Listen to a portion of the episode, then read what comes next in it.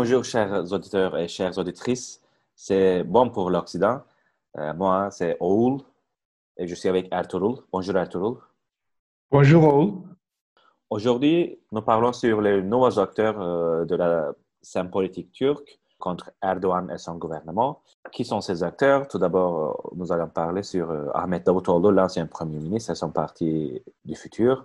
Ali Babacan, l'ancien ministre de l'économie et son parti de la démocratie et du progrès. Et finalement, Muharrem Ince, le plus puissant candidat euh, face à Erdogan dans les dernières élections présidentielles, qui relance aujourd'hui son mouvement de la patrie.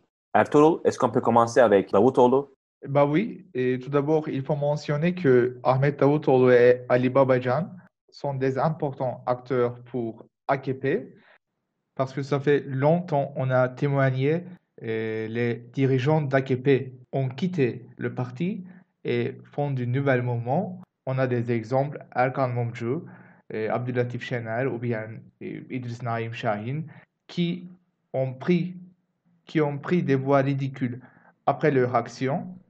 Mais Ahmet Davutoğlu et Ali Babajan, beaucoup plus importants que ces acteurs parce que ils sont au pouvoir jusqu'en 2015 et 2016 et finalement, en 2019, tous les deux ont déclaré leur démission d'AKP. Ahmet Davutoğlu est une figure intéressante pour AKP parce que il est l'un des éminents idéologues islamistes et il est le professeur de relations internationales. Et il était le premier ministre, ce qui a gagné le plus haute voix de le parti de pouvoir. Il a démissionné après la déclaration de Pelikan, une déclaration supportée par Berat Albayrak, le, le beau-fils d'Erdogan. Et Ahmet Davutoğlu a commencé à s'organiser aux organisations provinciales du parti pendant trois années. Et finalement, il a déclaré son nouvel parti politique, Parti de Futur, le 13 décembre 2019. Oui, en fait, euh, je suis tout à fait d'accord. Au début, on a dit que ce sont des nouveaux acteurs de la scène politique turque, mais s'il faut faire référence à Voltaire et sa devise euh, monumentale, euh, ils sont ni nouveaux, euh, ni acteurs, ni politiques. comme tu as dit, Davutoğlu est déjà une figure non négligeable de la politique internationale turque, de la diplomatie turque et bien sûr de la politique intérieure de la Turquie. Pour l'instant, selon les sondages, selon les enquêtes d'opinion publique, euh, ce parti de futur reçoit 2% des votes de, de, soutien total de la population. Cependant, leur base électorale se trouve dans les rangs d'AKP parmi les supporters d'Erdogan parce que Davutoğlu, son mouvement vraiment conservateur, islamiste, il parle directement les électeurs islamistes, conservateurs. Et sa base se trouve euh, géographiquement en Anatolie à l'intérieur du péninsule, s'il peut voler en fait des votes euh, ça fera bon pour le futur euh, de la démocratie turque, mais on verra, on verra quand même. Et on a une autre homme politique qui s'appelle Ali Babajan. Ali Babajan est ancien chef de l'économie des gouvernements d'AKP pendant plus de dix années. Il a une différente vision d'Ahmet Davutoğlu et d'AKP aujourd'hui parce que Ali Babajan toujours travaille avec les, personnes d'affaires de la classe capitaliste de la Turquie. C'est la raison pour laquelle il a été accusé d'être l'agent des pouvoirs globaux ou bien de la globalisation en Turquie, par exemple par le leader du parti de mouvement nationaliste, Devlet Bahçeli. Et en même temps, il a été accusé d'être en faveur des lobbies de l'intérêt économiquement par le président Recep Tayyip Erdogan. Oui, euh, si on peut faire une comparaison, Davutoğlu est plus proche aux intérêts américains. Il a de bonnes relations avec euh, l'administration Obama.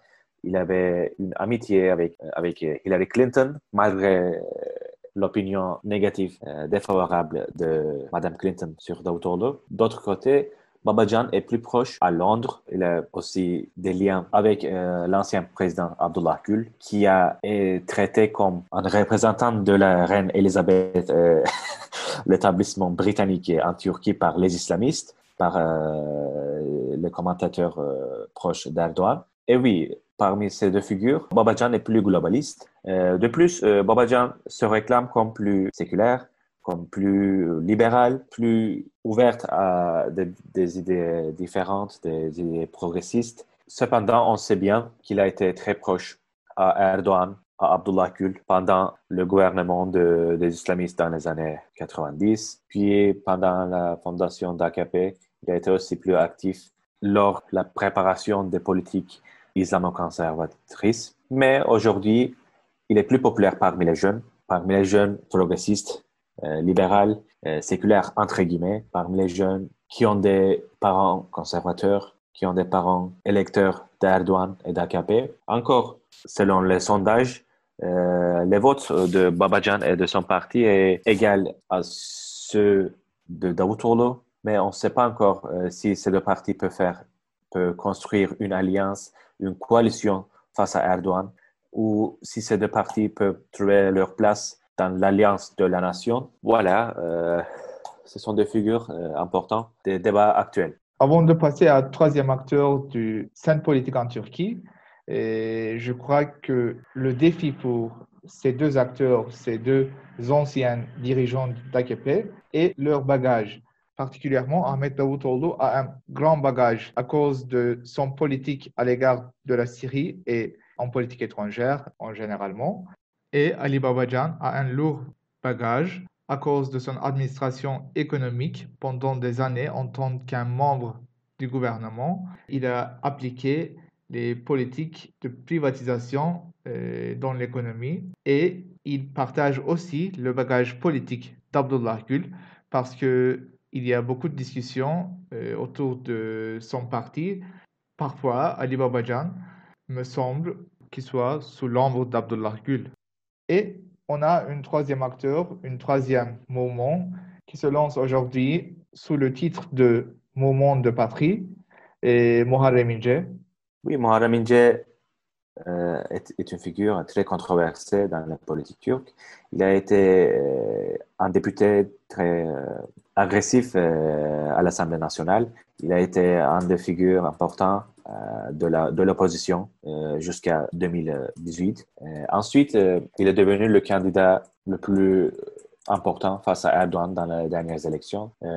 mais le problème avec Ince, c'est qu'il représente encore la mode d'opposition des années 2000. Il est très agressif, comme j'ai dit, perçu comme une figure, une figure séculaire qui attaque aux valeurs conservateurs, attaque aux valeurs euh, euh, de l'islam, euh, ce qui n'est pas vrai. Inge est très populiste. Il sait bien comment provoquer et mobiliser les masses il a organisé un meeting de plus de 1, million de personnes un jour avant les élections à Istanbul. Euh, cependant, on a vu que euh, l'image, le fait sont vraiment différents. Il a pu recevoir 30% des votes. Si on parle de terme GHP, le parti d'opposition principal, il a eu des votes sur le plus nombreux ces dernières 20-30 années de ce parti, mais c'était lié à l'Alliance de la Nation euh, il a pu recevoir euh, le soutien euh, des Kurdes, des nationalistes séculaires, je ne sais pas, des autres participants de l'opposition aussi. Mais je pense que Inge, il a maintenant un syndrome. Il pense que il a reçu tous ses votes, tous ses soutiens grâce à son figure, son personnalité, sa personnalité. Mais pour moi, c'est pas correct. Qu'est-ce que tu penses sur ça, Toulouse Je suis d'accord avec toi parce que je crois que Muharrem Ince est le prisonnier de ses ambitions. Et il a essayé beaucoup de fois d'être le chef du Parti Peuple républicain, mais il a défailli. Et, d'autre part, Muharrem Ince est un acteur très populaire, comme tu as dit. Il est comme un artiste oratoire dans les meetings politiques et au cours des campagnes. Il a confiance avec ses relations avec le peuple, mais je crois que c'est peut-être illusoire. Si on regarde son carrière politique, on voit qu'il a perdu toutes ses amis et il est devenu de plus en plus seul et il a été apparu comme un acteur qui revendique tous sur la table sans avoir un cadre, sans avoir une idéologie, sans avoir un programme politique, mais seulement en s'appuyant son art oratoire et ses relations avec le peuple qui peut être illusoire.